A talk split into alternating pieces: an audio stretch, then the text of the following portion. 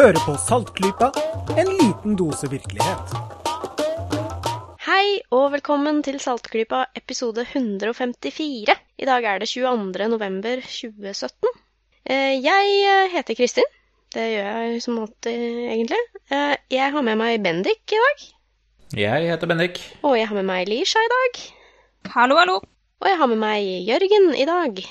God dag, god dag. Håper jeg har litt bedre stemme enn jeg pleide å ha i det siste. Jeg driver og rister av meg siste del av en lungebetennelse her. Uff a meg. Det er alltid noe med oss. Men jeg får håpe det går meget bedre etter hvert, Jørgen. Det er jo ikke en, akkurat noe jeg har lyst på, i hvert fall. Eh, nei, jeg eh, ønsker ingen det. Nei. Vi håper også å få med oss Marit etter hvert i dag, for vi skal snakke om noe ganske Jeg tror vi får, får en ordentlig diskusjon på det her, det vi håper å snakke om i dag. Det er alt jeg har å si om det. Eh, før vi gjør det, så tar vi og tjuvstarter litt med en liten nyhetssak som vi kom over eh, egentlig ganske nylig.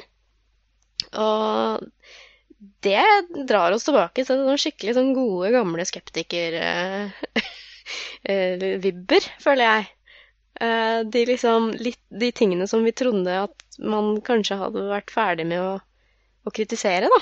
Og undersøke og, og finne ut at liksom det er bare tøys. Eh, men det stemmer visstnok ikke. Noen sånne Noen ting er ganske seigliva, rett og slett. Ja, vi, det, det, det dreier seg om det som på engelsk eh, veldig pent og eufemistisk kalles dowsing rods. På norsk så eh, tar vi bladet for munnen og egentlig bare sier ønskekvist. Og det er jo til England vi først og fremst skal her, er det ikke det? Jo da, det er Det er vel The Guardian som har en artikkel om eh, at eh, i ti av tolv eh, vannselskaper, altså de som leverer vann, så melder de at de har eh, ansatte som bruker eh, ønskekvist for å finne vannledninger. Og det er jo Ja. litt spesielt, da. Ja, litt spesielt er det. Så det gjelder dette også da liksom type offentlige ansatte? Snakker vi om nå, eller? Er det litt mer sånn Eh, private Jeg tipper det er eh, private som er engasjert av det offentlige. Ja, ja, ja, ja. Jeg tror ikke det egentlig spiller så veldig stor rolle, for poenget her er vel at i dette miljøet så er det ikke uvanlig at folk tar fram disse her eh, Ja, det er vel stort sett sånne metallpinner de bruker, da. Ja, for det er jo da noen eh, pinner på, med sånne som, som er bøyd 90 grader. Og så er det sånne håndtak som de sitter veldig løst oppi. Og så holder man en i hver hånd. Og det de pinnene kan gjøre da, det er å svinge veldig lett rundt og rundt. Ja. Inni de håndtakene. Så skal man gjør, prøve å holde den sånn at de peker rett forover, Ja, og så går man rundt og søker etter et eller annet, og så plutselig tilsynelatende så reagerer de på noe, og så enten de så viker de fra hverandre, eller de krysser over hverandre. mm. Uh, ja, for meg så ser det veldig sånn uh, mystisk og magisk ut, dette her. Eh, men ikke så veldig sannferdig. Men nå har vi også her eh, firmaer som driver med vann, da. Som leverer vann til folk. Mm. Har ikke de, har, har ikke de folka kart over vannledninger? Fins ikke det liksom hos vannverkene rundt omkring? Jo, men der kan jeg komme med litt praktisk informasjon. For øhm, når jeg har vært ute og gravd som arkeolog, så hender det jo stadig at vi er i konflikt med øhm, vannledninger og strømledninger og øh, internettledninger og sånn som ligger gravd ned i bakken, og da må vi ha en kabelpåviser. Og stort sett fungerer det med at det kommer en fyr med et kart, så vet da sånn omtrent hvor det ligger, for det er aldri helt nøyaktig.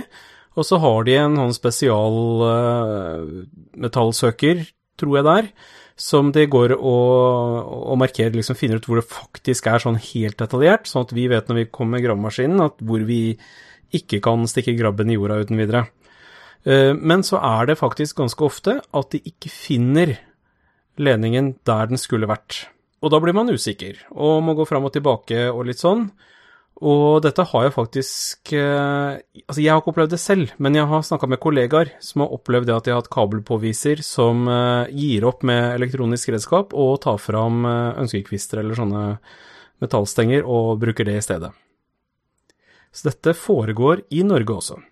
Det der er veldig interessant, Jørgen. Det er interessant fordi eh, en veldig god venninne av meg hun jobber faktisk for det firmaet her i Norge som er dominerende på akkurat den type tjenester som du nevner der.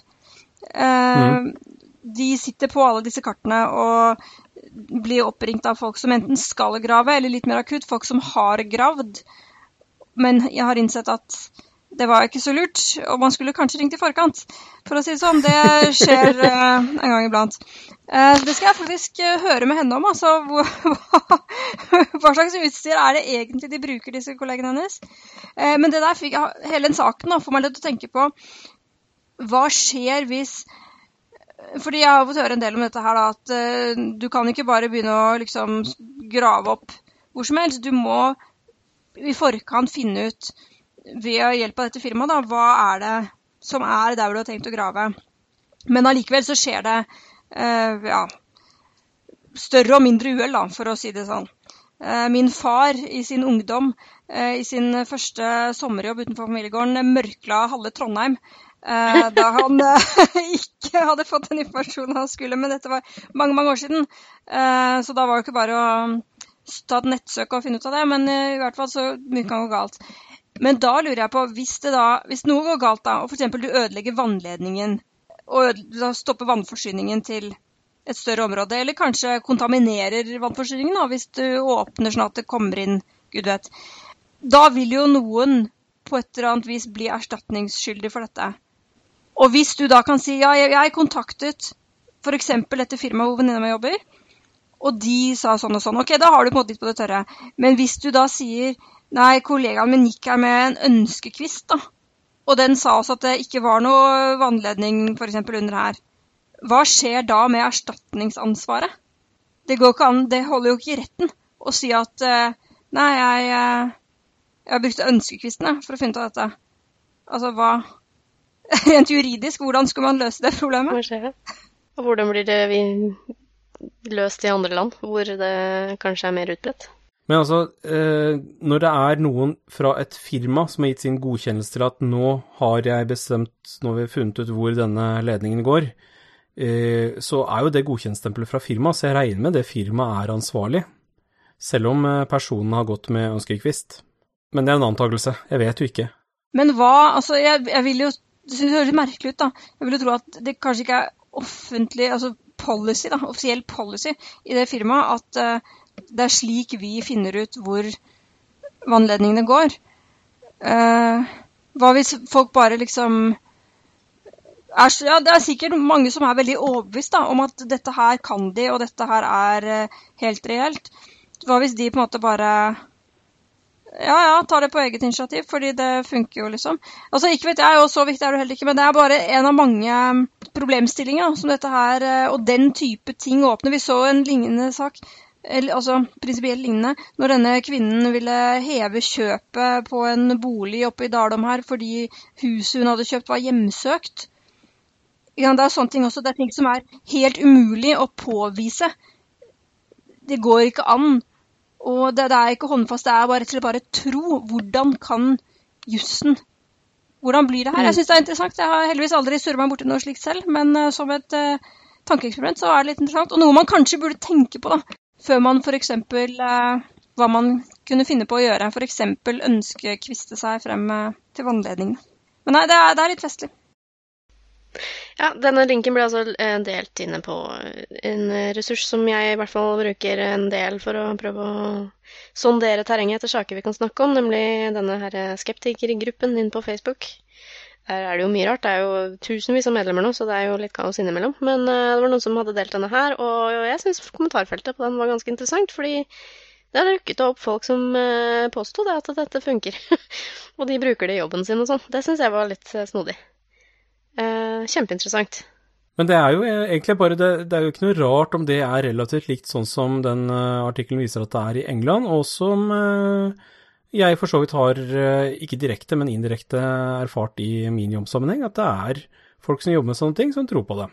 Og det som er typisk med nettopp kvistgjenging, er at når man først har opplevd at det fungerer, altså i den grad man gjør det, da, så er man jo overbevist. Så det er omtrent umulig å komme etterpå og si at uh, nei, men du tok feil. Det er jo et, eh, det er et spørsmål om hvor mye man har undersøkt det sjøl, selv, selvfølgelig. Altså det som også mm, kommer frem i denne kommentartråden, er jo masse interessante lenker som man kan gå inn og se på. Og det, jeg kan jo plukke ut et par av dem og dele det på eh, sendingsnotatene våre, som vi har i den saken. Ja, gjør det. For oss som ikke er på Facebook, Blant så er det interessant. annet eh, den, den gamle bloggen til Ida Jackson. Fra 2009 så skrev hun et uh, veldig kult sånn uh, Skeptikerskolen-innlegg om ønskekvister, og det er jo for så vidt like, like relevant en dag i dag.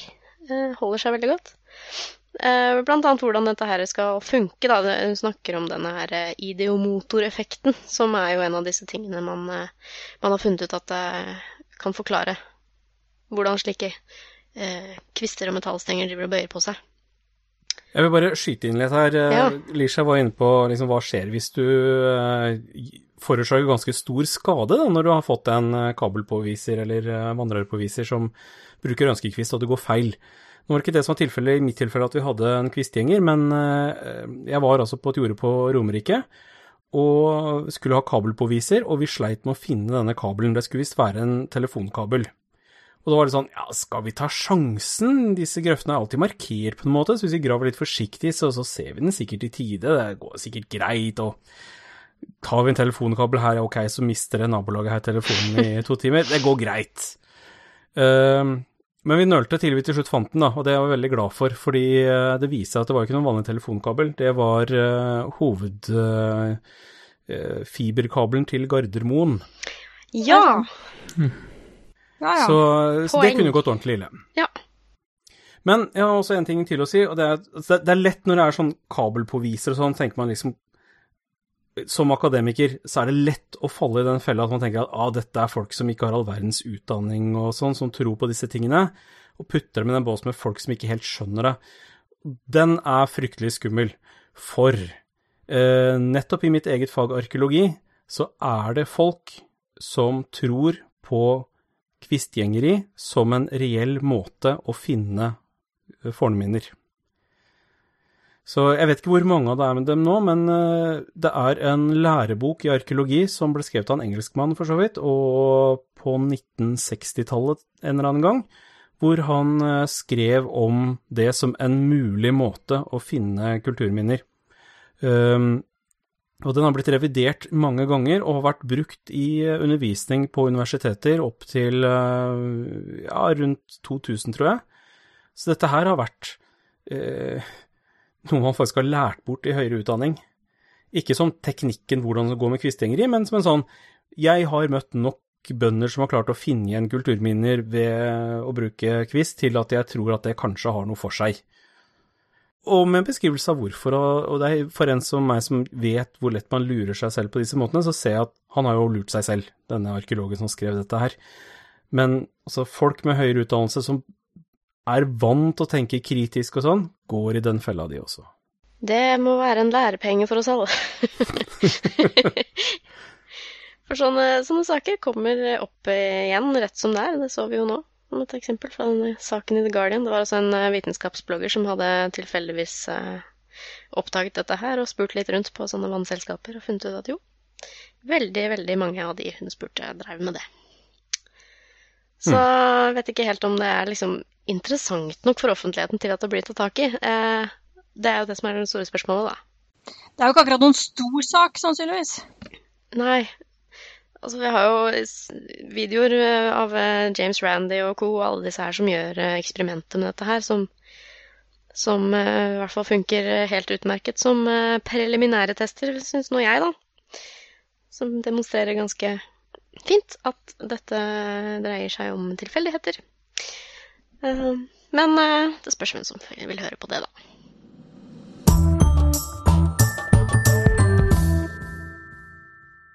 Her har vi jammen fått med oss Marit òg. Hei, hei. Hallo, hallo. Du har vært eh, opptatt eh, denne uka her, du.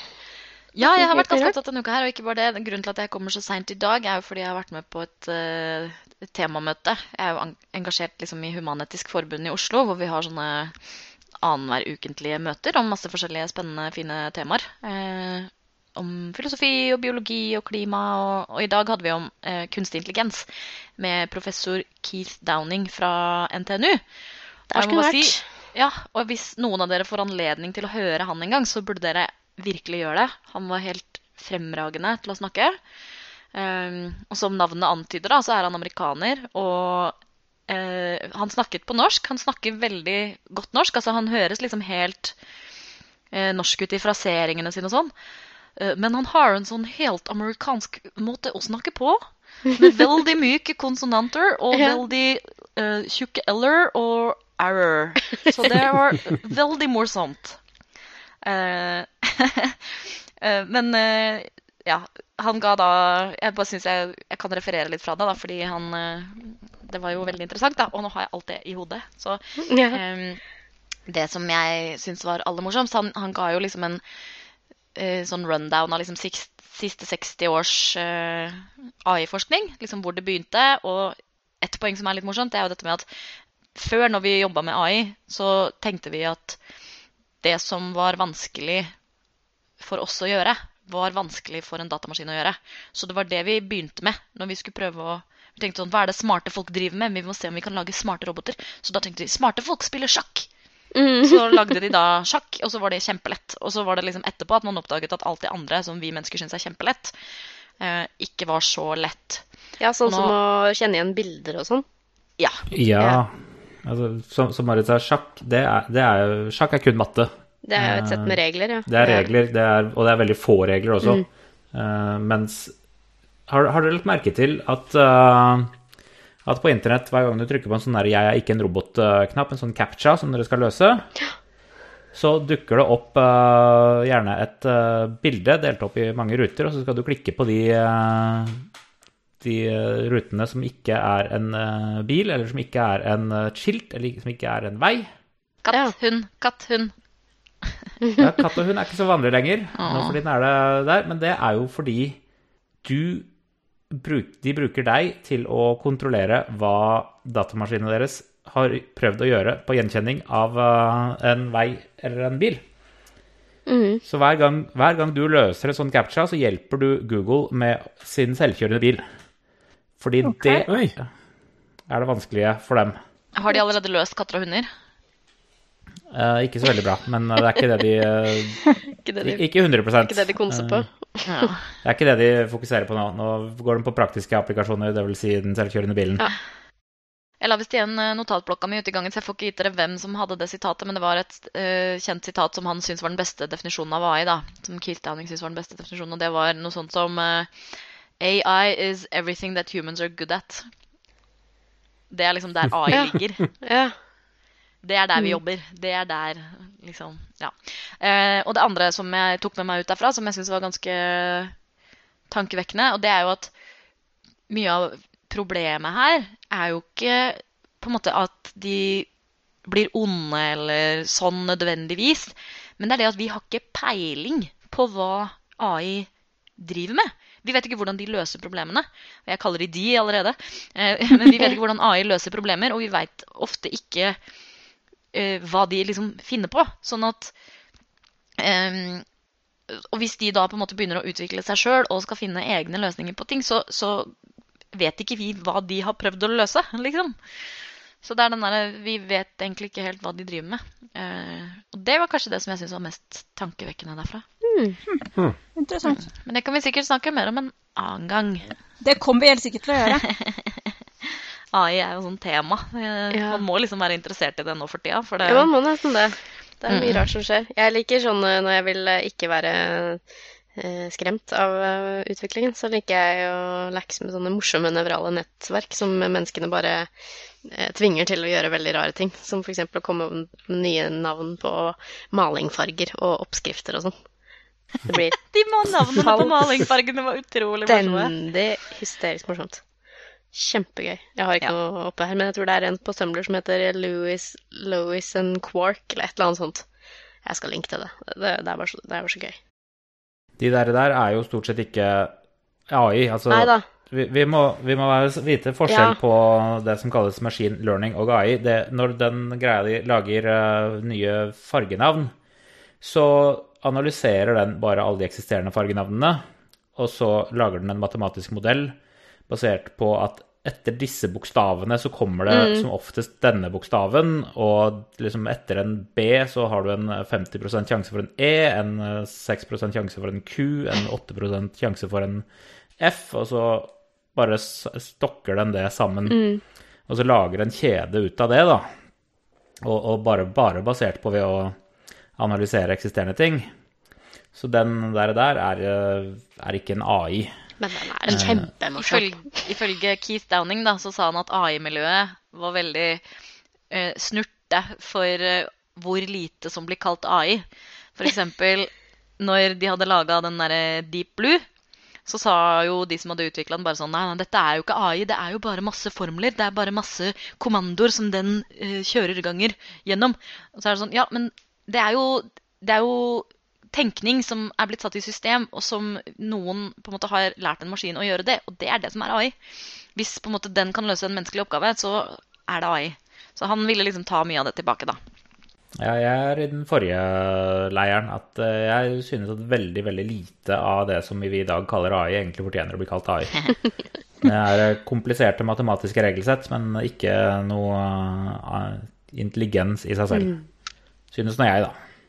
Det er vel kanskje AI i på en måte hvordan den lærer seg å lære på, eventuelt. Da. Du har jo den derre Ja, den der maskinen som lærte seg å spille dette vanskelige japanske brettspillet Go, eller hva det heter. Hvor de nå har begynt å ikke helt skjønne hva som skjer, hvordan den lærer seg ting. Et eller annet sånt. Den, den algoritmen de bruker, den er plutselig helt ukjent for folk. Mm. Så det er litt sånn på grenseland. Tilgi dem, for vi vet ikke hva de gjør. Mm. Dette kunne vi snakke om eh, kjempelenge, men eh, jeg tenkte vi skulle gå over til et eh, annet meget dagsaktuelt tema. Eh, og da er vi også veldig glad vi har Marit her, for hun har ja, hatt litt å gjøre på jobben. Eh, ja, eh, ja. Jeg har hatt litt å gjøre på jobben denne uka her. Og det var ikke planlagt, for å si det sånn. Eh, så ja For de oppmerksomme lyttere så har de kanskje fått med seg at jeg jobber i Store norske leksikon. snl.no. Vi er jo et eh, rent eh, nettleksikon nå, um, fra 2009. Um, og det ble Siste papirutgaven kom i 2005 til 2007. Altså da kom jo de bindene ut da over tid. Så ja, vi skal snakke litt om jobben min i dag. Eh, vi har jo snakka litt om jobben til Jørgen før, og, og, så jeg håper det er greit, da. Men eh, det bare var så utrolig mye baluba, og vi liker jo å prate om ting som er balubaete. Så vi kan, eh, vi kan godt snakke litt om jobben min i dag, da. Ja, nei, så jeg jobber da i leksikonet, og vi har omtrent eh, 200 000 artikler i dette leksikonet. Vi forvalter ganske ofte det som kalles kunnskapsarven. Eh, eller i noen tilfeller i hvert fall, så kalles det at vi forvalter kunnskapsarven. Folk har jo veldig nært forhold til eh, leksikon og liksom det å slå opp.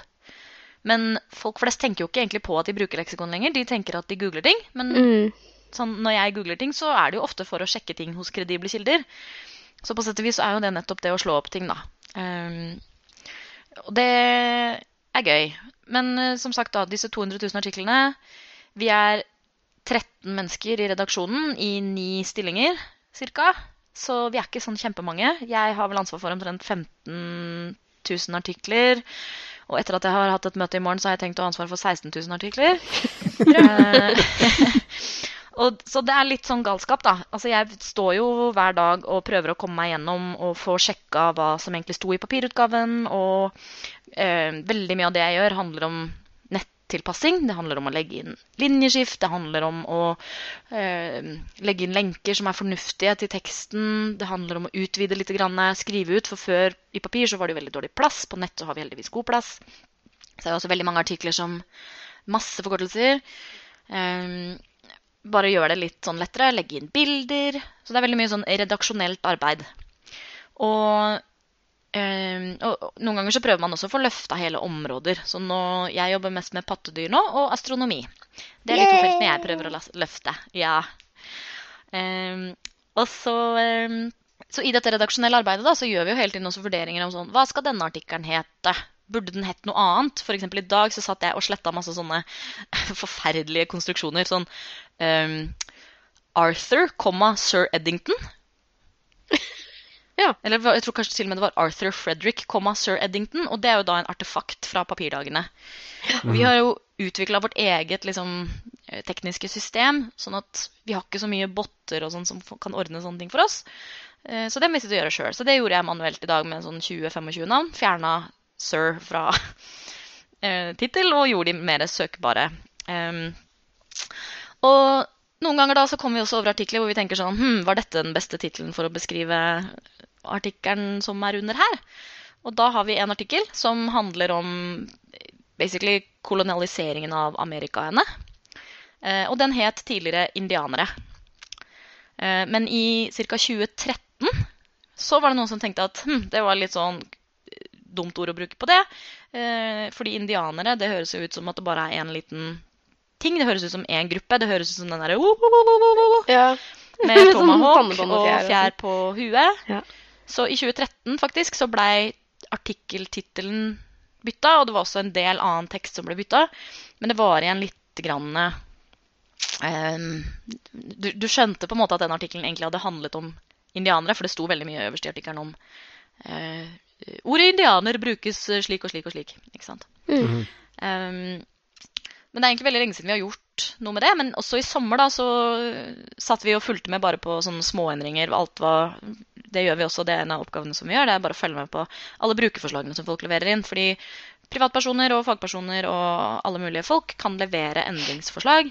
Forskjellen som er til Wikipedia, er at vi går gjennom det. Enten av en redaktør, hvis det er på en måte redaksjonelt, eller faglig. Så blir det gått gjennom en fagperson. Så alt blir liksom kvalitetssikra før det havner på nettet da. Um, så i sommer så kom vi bare over den artikkelen helt sånn tilfeldig. Og jeg husker at jeg var på jobb, og hun andre, eller en annen på kontoret kom inn og bare Var ikke det her litt rart, da? Det var litt sånn rotete. Det står urbefolkning, så står det indianer, så står det indianer, så står det urbefolkning. Så det var sånn klussete, da. Så vi rydda litt i det i sommer, men vi blei nok ikke helt ferdig, og så forsvant vi til andre oppgaver. Og så i forrige uke så ringte Dag og Tid. Eh, og bare Hei, skal dere fjerne indianer? Vi bare Nja, det er jo Vi har jo endra en tittel, liksom, men eh, vi har en policy. Vi prøver jo å være presise, og ja, vi har kanskje det, men vi har jo en artikkel om ordet indianer. Um, og så plutselig så var det forsideoppslag på Dag og Tid på fredag, og så var det jo eh, en del medieoppslag i helgen. Um, veldig mye kommentarer på internett. Og på mandag så hadde NRK oppdaget en endring som vi gjorde tidligere i høst, når vi besluttet at artikkelen om jomfruhinna ikke skulle hete jomfruhinne lenger, den skulle hete skjedekrans. Og det er jo bare basert på eh, faglig input som vi har fått fra masse forskjellige kanaler. Um, vi har jo riktignok eh, altså En i redaksjonen er gift med en som jobber i Sex og Samfunn, og det er også en i redaksjonen eh, Legen vi har, hun jobber eh, deltid på, på Sex og Samfunn. Så det er jo på en måte folk som har peiling på akkurat det feltet, som, eh, som er her. Men vi har også eh, snakka med andre fagpersoner og, og liksom fått godkjenning på at det er en fin ting å gjøre.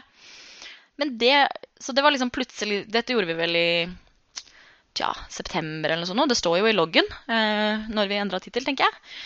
Men eh, altså i endringsloggen, for vi har jo også eh, synlig eh, versjonslogg, så man kan gå og titte på når disse endringene ble gjort. Um, Mm. men det var da altså NRK som på en måte oppdaget det og lagde kjempeoppslag av det. Eh, så vi bare What? Hva, hva skjedde nå? det var bare vår daglige drift. Altså vi, Ja. jeg tror jo vi tenkte på en måte sånn at det kunne jo hende at noen ville reagere på fjerningen av jomfruhinna, men jeg hadde ikke ant at det skulle bli så mye bråk. Og i hvert fall ikke for at vi endra tittelen på liksom den historien om de folkene som ble rammet av kolonialiseringen av Amerika. Som nå heter uh, Den amerikanske urbefolkningen. Um, så ja, det, det har vært min uke på jobben. Da. Jeg har svart på sikkert et par hundre kommentarer rundt omkring og driver og på en måte prøver å skrive litt meningsinnlegg og sånn for, å, For, for å møte eh, folk. For det er jo veldig mange også som har tenkt at dette her uh, enten A er et eller annet totalitært regime som vil hindre folk i å bruke ord. Em, eller at det har med Siv Jensens indianerkostyme å gjøre. Og det har det jo ikke. Vi kan jo dokumentere at vi endra den tittelen for lenge siden.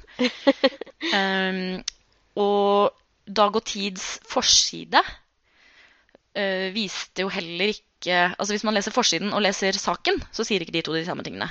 For forsiden sier 'Redaksjonen i Store norske leksikon sier at indianer er rasistisk'. Men det var det ingen av oss som hadde sagt.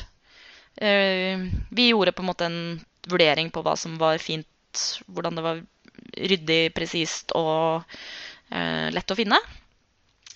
Eh, og han som er fagansvarlig for det feltet, mente også det, at det var på tide å bytte ut, det, bytte ut indianerordet. Og han sa til Dag og Tid at ordet indianer har rasistiske undertoner. Og det er liksom alt som har blitt sagt av det i den gata. Men eh, ja. Hvor vil dere begynne nå?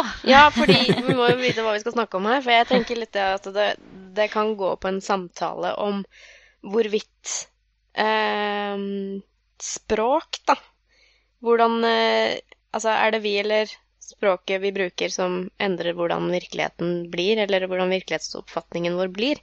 For eh, han godeste Finn Erik Vinje, den uh, skikkelig veteranspråkforskeren, uh, skrev jo kronikk på NRK om dette her i på mandag, kanskje? Nei, den kom Eller tirsdag. Den kom på tirsdag, tror jeg. Ja, i hvert fall. Først nå denne uka her. Ja, den kom i går. Mm. Mm. Uh, hvor han setter seg litt på bakbeina om deres uh, veldig frimodige krumspring på SNL her.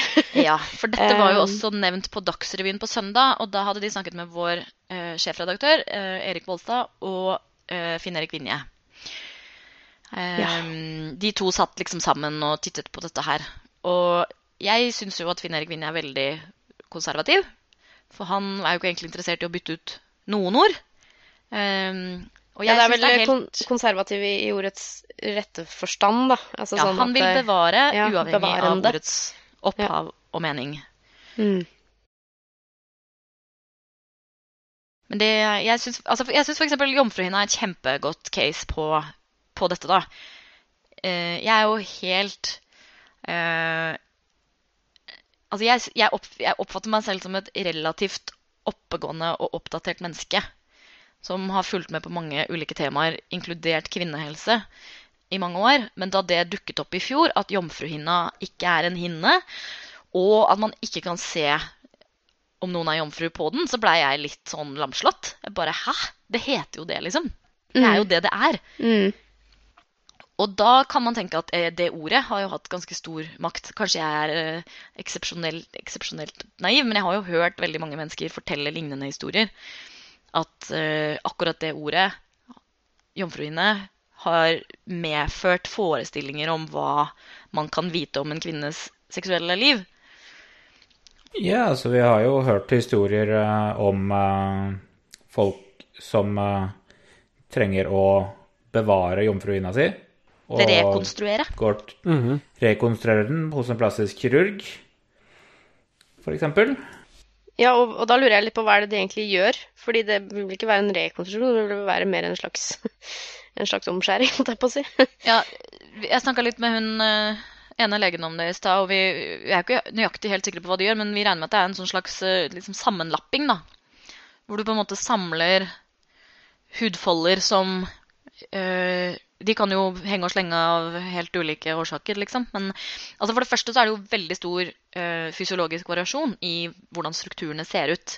Uh, I dag har jeg sittet og sett på veldig mange bilder av jomfruhinner uh, og illustrasjoner, og det, det, var liksom Noen så på en måte ut som litt sånn rynkete hull. Noen hadde Eh, så på en måte ganske sånn flat ut, litt sånn hinnete ut, men da med to tydelige liksom, hull midt i. Noen hadde bare sånn én lang liksom, rift. Noen hadde liksom rifter fra flere sider.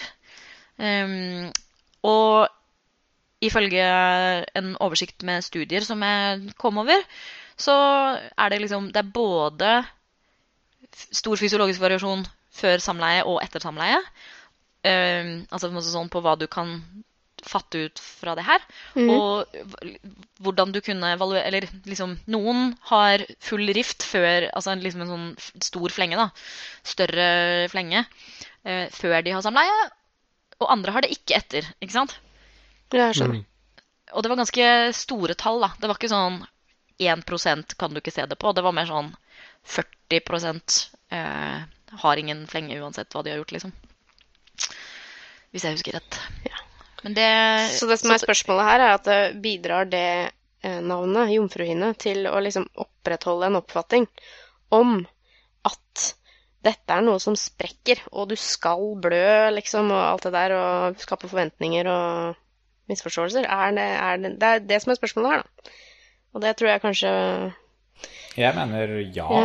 Eh, At, eh, at bare liksom det at Det at den hinna har fått navn etter det vi kaller det en person som ikke har hatt sex, og dermed er ja, ren og jomfruelig, eh, og noen gammeldagse kulturer kan liksom gå inn og sjekke om den fremdeles er der, fordi det at en mann giftet seg med en uh, jomfru var det viktigste for, uh, for vedkommende. Og du liksom holder deg på, på det nivået, da. Jeg, jeg synes det er hele At det er veldig gammeldags. Og at det er så inngrodd i, i ordet på, på denne tingen at uh... Ja, det er som et membran, liksom. Og, og det er faktisk en uh, medisinsk uh, farlig tilstand hvis man ikke har hull i, i skjedekransen. Liksom. Hvis den er tett, hvis den faktisk er en membran, hvis den faktisk er en hinne. Så er det en medisinsk tilstand. Det heter uh, human impenetrans, tror jeg det het. Og det er sånn, da, da hoper det seg jo opp mensblod, og man må opereres og sånn. Ja, så da kommer jo den Da faller jo den litt kort, da. Ja, og så var det disse indianerne, da. det var jo det andre store temaet i mediene i det siste. Ja, den er jo ikke fullt så tydelig som eh, den eh, jomfruhinna skråstrek skjeddekransen, fordi eh, indianer er jo et eh, I hvert fall på norsk så er indianer Det er avledet av inder. Ut fra, det tror jeg alle vet, i hvert fall de aller, aller fleste vet, at det var liksom Columbus fant Amerika, trodde han hadde funnet India, og kalte de som bodde der for Indians eller i hvert fall en engelsk utgave av det, og det har vi importert som indianer. Så på norsk så er det et ord som har en spesifikk betydning, det er de folkene som var i Amerika. Eh, Og jeg tror det er veldig få som i dagligtale tenker på indianer som noe annet, selv om de vet opprinnelsen til ordet. Så der uh, syns jeg ikke det er så tydelig at, uh, at ordet må byttes ut. Der har vi på en måte gitt ordet en mening, og det lever på den måten. Ja, det er ganske annerledes uh, situasjon på denne siden av Atlanteren. Og det, det kan jeg jo godt være helt enig i. Og jeg tror jo Eller sånn um, Vi i redaksjonen uh, mente jo ikke at det var forvirringen mellom de to begrepene som var årsaken til at man trengte å bruke andre ord. Um, vi vet jo godt at folk fint klarer å skille mellom indianere og indere. Det er ikke noe problem. Og vi harselerte jo litt med at det var en gedigen 500 år gammel misforståelse og sånn, men i bunn og grunn så handlet jo dette om hva den artikkelen skulle hete, og hvordan vi da skulle klumpe sammen disse svært ulike folkegruppene som lever fra liksom sørspissen av Chile til nordlig Canada. Eh, og der tenkte vi at det å gi alle de liksom en merkelapp Det er noe ganske annet å si at noen er urbefolkning, og det å gi de en merkelapp som på en måte er sånn løst kulturelt definert de, Dere er liksom de folka. Dere er de folka med um, fjære, fjær på hodet og som uh, går med tomahawk, liksom. Um, Slåss med cowboysene, liksom. ja, og Ja. har squawer og tipier og liksom Det blir jo på en måte en sånn sausa sammen greie som egentlig ikke har noe med hverandre å gjøre. Eh, så det er jo den misoppfatningen vi kanskje ville mest til livs. Og vi tror jo ikke at noen mener noe vondt med å si indianer, og jeg, jeg syns ikke det er noe rasistisk i det begrepet nødvendigvis, men det bare er så utrolig forenklende, da. Det er litt sånn som eh, Jeg likte Oda Rygg eh, skrev i Dagbladet at det ordet som vi bruker som indianer, det er litt sånn som det er veldig forskjell på det vi kaller indianere, og alle de ulike folkegruppene som faktisk er der. Og et lignende eksempel på det, det er prinsesse. Fordi barn leker prinsesse, Mm. men det reflekterer jo ikke virkeligheten av hvordan en prinsesses liv er. ikke sant? De leker jo en eller annen sånn fantasiforestilling hvor alt er rosa og fluffy, og det er jo ikke sånn prinsesser er. Og det, det, er jo kanskje litt sånn med indianerbegrepet òg, at indianer nesten er sånn mytologisk, eller sånn halvmytologisk vesen. Um, det er min mening, da. Men, men i hvert fall så, så, tenkte vi at det var uh, verdt å bytte ut for uh, vår oversiktsartikkel over historien til disse menneskene. Og så var det den gode, gamle elitespråkforsker Finn Erik Vinje som hadde en kronikk i NRK. Og det han fokuserer på i sin kritikk da, av Stornorsk leksikon, er det der med at han sier at språket Du kan ikke bruke språket til å endre virkeligheten. Og det, liksom, er, det, er, det, et litt Er det et litt uh, veldig annet fokus, tenker jeg, enn det som egentlig var meningen at hele den greia skulle ha? Ja, i hvert fall med indianer, da, så tror jeg ikke vi prøvde å endre virkeligheten. Vi prøver jo å beskrive virkeligheten. Uh, mm. Folk får jo lese hos oss og tenke sjøl. Men altså, vi er jo en ressurs, og vi anerkjenner jo at vi har noe normerende makt. Vi bruker jo liksom rettskrivningsrådene til Språkrådet så langt det lar seg gjøre, og, og, og sånne ting. Men, men øh, oftest så henger jo vi etter samfunnet og språket og folket. Eh, vi driver jo fremdeles og bytter ut ting som den annen verdenskrig og vi har jo fjerna både liksom eh, masturberende piker, og vi har fjerna Det er ganske mye rart da man kan finne i noen sånne støvete krukker. Eh, sånn som eh, sukkersyke har dere vel sikkert også endret? Ja, ikke sant. Sukkersyke ja. har jo dukket opp i masse det er jo faktisk ikke vanlig i det hele tatt lenger, syns jeg. Det var vanlig da jeg var liten, mm. å si. Men uh, på sånn 20 år så tror jeg ikke det har uh, Ikke sant. Og her er det jo også den medisinske samfunnet som har gått sammen og bestemt seg for at her skal vi endre noe som ikke er en prestis betegnelse. Også fordi det fører med seg liksom stigma, fordi du tror at du kan spise det på deg. Mens det egentlig er et komplekst bilde av både arv og miljø. Mm. Um, så vi har jo masse sånne floker hele tida, vi da. Og vanligvis så tror jo vi at vi er på etterskudd, men akkurat her så var vi kanskje litt mer i forkant enn vi var klar over, da. ja. Nei, folk i hvert fall tok seg veldig nær av det der at de skulle nå Nå må jeg bli tvunget til å begynne å si skjedekrans. Hva er dette for noe? Uh, jeg må gå til sak. Det var, det var litt sånn uh, stemning, altså. Det er litt pussig. Der gir man jo dere, Marit, uh, litt mer makt enn dere sannsynligvis har, da. For jeg tviler jo på at hvis noen, eller jeg vil si alle kommer til å fortsette å si indianer. For det kommer 100 av 100 ganger til å slå ut amerikansk urbefolkning. Det er ikke et ord som ja, et ord mot en frase og en sånn kronglete frase. Men det er jo ikke sånn at uh, Dere har jo regna med, du fortalte jo før vi begynte her uh, Nei, før vi begynte, vi, det var mens vi tok opp, at du fortalte hvor veldig få dere er. Uh, så jeg regner med dere ikke har en sånn SWAT-team-greie som rykker ut når folk bruker ordene som dere har fjernet. så man får jo foreløpig si hva man vil. Men det er jo litt interessant. Noen som vi snakket om i stad, med, med jomfruhinne versus skjedekrans, der blir det et mer presist begrep som kanskje er lettere å bruke fordi det gir en bedre forståelse av hva det er. Mens dette med indianer, der blir det et begrep som er mer tungvint igjen. Selv om det gir et mer presis beskrivende virkning, da. Det blir mer presist i et leksikon. Ja, liksom. for sånn, ja. det som dere driver med, for som du sier, beskrive virkeligheten. Men det er kanskje det, det, er for presist for liksom folk flest. For de, de, som hadde virkelig behov for dette konseptet Native Americans, det var jo eh, særlig amerikanerne og også andre engelsktalende, fordi ordet som de hadde for vår indianer, det var akkurat det samme som ordet de hadde for inder. Ikke sant? De måtte jo si Indian for begge deler. Mens vi har aldri hatt det problemet. Vi har alltid hatt et ord for inder som person fra India, og indianer.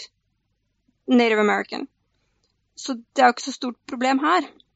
Men det er klart at ja, over tid så er det muligheter for at uh, ord kan forme virkeligheten i USA, selv om det, de er ikke noe godt eksempel å ta etter. Men der er det jo blitt der er det jo nærmest rasist hvis du bruker ordet indianer.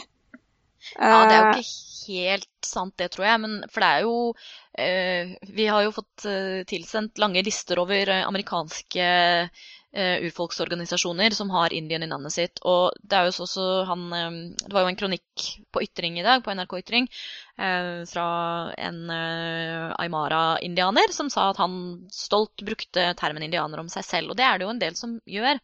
Og det er jo helt greit, det. Men nok en gang, da, eller er, jeg kan ikke helt se for meg så innmari mange tilfeller hvor jeg trenger å bruke den termen for å klumpe sammen veldig mange mennesker. Fordi stort sett, hvis jeg snakker om noen, så er det da kanskje spesifikke folkegrupper, da, som Navaho eller Apache eller Cherokee eller eh, Lakota-indianerne. Eller Aymara, ikke sant? Og hvis man slenger på indianer der fordi det er en sånn, si, et sånt prinsesseord, da, en sånn uh, forenkling, en stereotypi som folk forstår, så er jo det bare Det er jo greit, det, så lenge de, de uh, vil det. Um, men, men, vi går jo mot heller å omtale da og ramse opp de gruppene det angår, heller enn å skrive en gjeng med indianere, liksom. Uh, og så vil vi da bruke urbefolkning når det er når jeg har behov for en sekkebetegnelse for de gruppene. Mm. Ja, Det blir jo snakk om hva slags uh, sammenheng man uh, snakker om de. Men det er akkurat det var litt uh, interessant det du sier der, at det er mange amerikanske indianerforeninger som bruker ordet Indian. og det er jo helt typisk at når jeg sier at du kan bli anklaget for å være rasist for å bruke ordet Indian, det kan du, men ikke, hovedsakelig ikke av indianere. Men derimot av grupper som ser som sin livsoppgave å bli krenket på vegne av andre som ikke blir krenket. Uh, slik som denne mannen som du nevnte som skrev på Ytring, han var, jeg vil jo si han er ikke Aymara-indianer. Han er født av Aymara-folket. Men når han er adoptert som barn til Norge og vokste opp her, så gikk sjansen til å bli Aymara fra ham, vil jeg si. Men han, han er ikke sosialisert inn i den gruppa, og derfor så tilhører han ikke den gruppa, slik jeg ser det. Men han øh, opplevde jo at det var en veldig fin ting når han vokste opp og var den eneste som ikke så norsk ut i barnehagen og på skolen, så var det veldig fint, skrev han. Og kunne si når ungene lurte på hvorfor ser du sånn ut. Ja, for jeg er indianer. Og da var det en sånn fin forklarende ting. Det der med identitet er jo ganske komplisert, da. For det hva du mener at uh, han er eller ikke er, er ikke relevant for han. Nei, selvfølgelig ikke. Men jeg mener at du kan ikke Jeg mener at etnisiteten sitter ikke i genene. Ikke sant? Jeg kjenner folk som er adoptert fra f.eks. Korea og Vietnam. Vokst opp i Norge siden de er babyer. De er ikke koreanere, og det blir de heller aldri. Og jeg, jeg personlig ville blitt, uh, synes det er ganske krenkende å komme og påstå at hun da f.eks. er koreaner. Fordi da sier du at etnisiteten sitter i genmaterialet, rett og slett. Uh, jeg mener den sitter i hodet. Du blir sosialisert inn i etnisiteten din. Det er noe uh, det som ligger i kjernen her, syns jeg. Det er at uh, dette handler i stor grad om at folk må få lov til å selv bestemme hva de er. For nå driver du og forteller at ja, den personen er ikke sånn. Den er en annen folkegruppe. Men det er kanskje ikke den personen selv enig i, osv. Så, videre. så det her Nei. er kjempekomplisert. Her... Ja, det er kjempekomplisert. Men du må jo være tross alt enig i at skal det gi noen mening å si at noen F.eks. denne venninna mi som er adoptert fra Korea. Skal det gi mening å si at hun er koreaner, så burde hun i hvert fall kjenne koreansk kultur. Det gjør hun ikke. Kanskje snakke koreansk. Det gjør hun ikke tilbrakt noen nevneverdig tid i Korea. Det har hun ikke. For meg, da, så er det fullstendig meningsløst å si at du har ikke bodd der, du har ikke vokst opp der, du kjenner ikke kulturen, du snakker ikke språket, og likevel så er det din etnisitet. Eh, da er vi tilbake på litt sånn rasebiologi for min del, da, fordi at hun har koreanske gener. Og da er hun evig låst i eh, en koreansk etnisitet. Å, jeg har så lyst til å eh, krangle med deg nå. Det. Nei, det er ikke krangle om det. Det er selvfølgelig men det er så, ikke sant, det er så mye som det er så mye, eh, det er så mye som bygger opp en persons identitet. sånn at hvis du har et utseende som skiller deg fra de fleste du omgir deg med, fordi du er familien har flyttet til et annet land, så kan det være at fordi du blir konfrontert med utseendet ditt hele tiden, så blir det at du kommer fra Korea, en veldig viktig del av din identitet. Ergo så er det eh, koreaner noe som er din identitet. I hvert fall i noen sammenhenger. Og så er det jo det at det er forskjellige sosiale sammenhenger hvor det er greit, og hvor det ikke er greit, osv. Dette her er dritkomplisert, og derfor syns jeg det er fryktelig eh, dumt og, og at noen som da ikke er i den personens situasjon, skal sette opp regler for om de er en bestemt etnisitet eller ikke. Jeg sier ikke at jeg setter opp regler, men jeg vil skille mellom å være fra Korea, eller komme fra Korea, som du uttalte, og å være født i Korea. Ikke sant? Du skiller med det, men gjør venninna di det? det? det? får vi ja, kanskje spørre henne om. Ja, hun er norsk. Hun er 100 norsk. Men nå snakker vi om leksikon her. Ja. Ja, jeg må si også, jeg har et lite sånn bipoeng til om eh, sånn at disse indianske organisasjonene også heter indianer. Eh, For det, det er jo som sagt mange som syns det er helt greit, og han eh, Daniel syns det var greit å være indianer, og det er mange som syns det er greit fordi det er så enkelt å forholde seg til. Eh, Men på en måte det at man bruker et navn i en organisasjon som også har et aktivistisk eh, element, det betyr ikke nødvendigvis at ikke termen burde utgå. Jeg sier ikke at den burde utgå nødvendigvis, men det er bare det bare har ramla inn noen eksempler da, som jeg har blitt eh, kjent med de siste dagene. Um, og det ene er uh, The United Negro College Fund, som eksisterer som organisasjon i dag.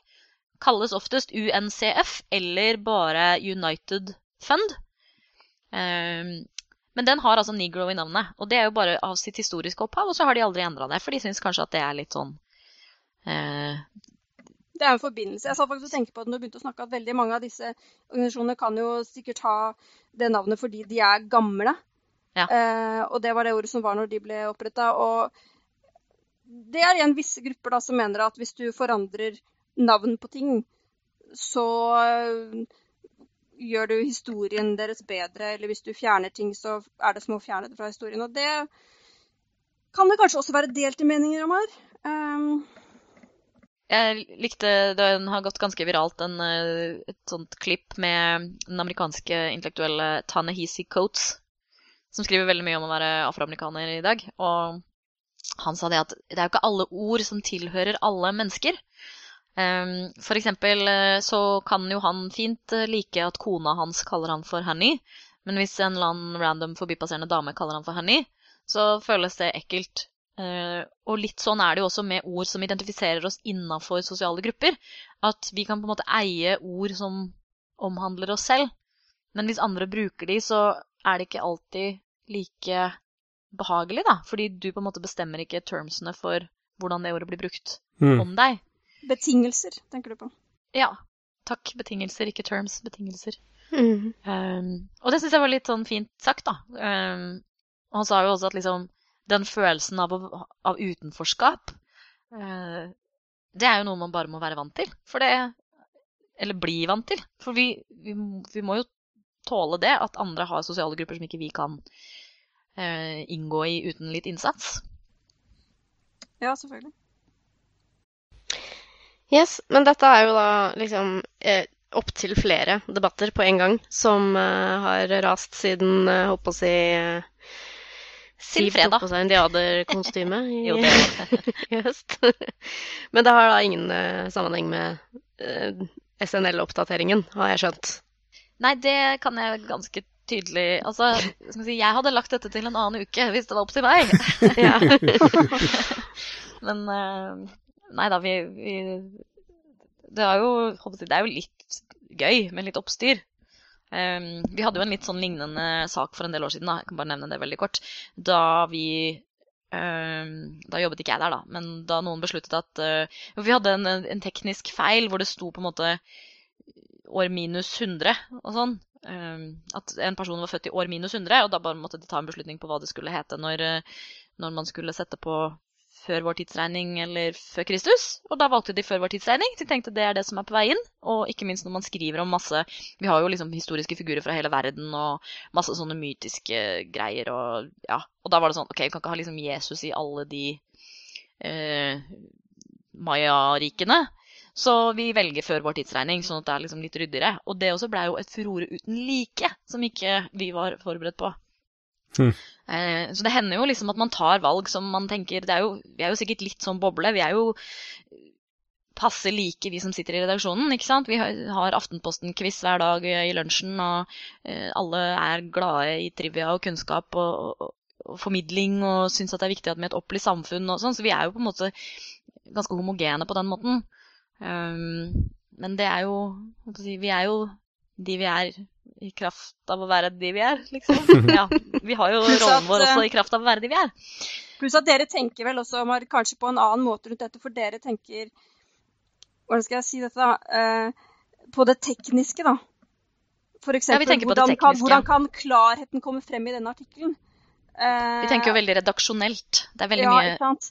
Eh, og det er nok ikke så mange av brukerne av leksikonet som tenker på den måten som dere tenker. Vil jeg Nei, tro. det har du nok rett i. Det er det. Det er det der igjen, da, med at Google og leksikon og sånn smelter sammen.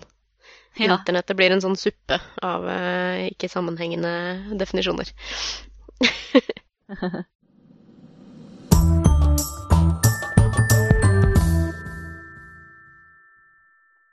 Men eh, folkens, dette strekker jo ut i eh, både det ene og andre minuttet. Ja.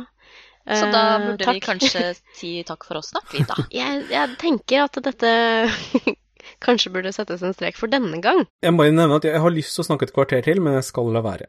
Ja. Nei, men uh, kanskje det kommer ut en bonusepisode. Hvis eh, noen setter i gang opptakeren her, her uh, plutselig en dag. Jeg hogga jo denne episoden. Jeg burde jo latt Jørgen snakke om uh, sine greier. Han har jo snakket en del de siste par episodene om Ja. sine. Vi går veldig kjapt over til noen anbefalinger på tampen av episoden. Uh, Jeg vil gjerne uh, starte med å anbefale den seneste episoden per opptaksdato av podkasten You Are Not So Smart. Veldig kul episode om forskjellige eh, ja, filosofiske retninger og sånne hvordan man tenker og tankefeil og sånne ting. Eh, og det er eh, en episode nå som eh, handler om det som de kaller for machine bias. Det er en ny type bias som jeg ikke hadde tenkt så veldig mye på, men som er veldig interessant. handler om hvordan vi overfører våre egne biaser inn i maskinlæringsalgoritmer som skal da hjelpe oss da, med å plukke ut ting eh, nøytralt, eh, som viser seg at det ikke blir så nøytralt allikevel. Det kan jo være litt skummelt. Så den episoden anbefaler jeg.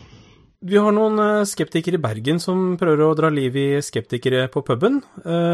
Finn dem på Facebook hvis du bor i eller rundt Bergen, og følg med og få gjerne liv i den gjengen der.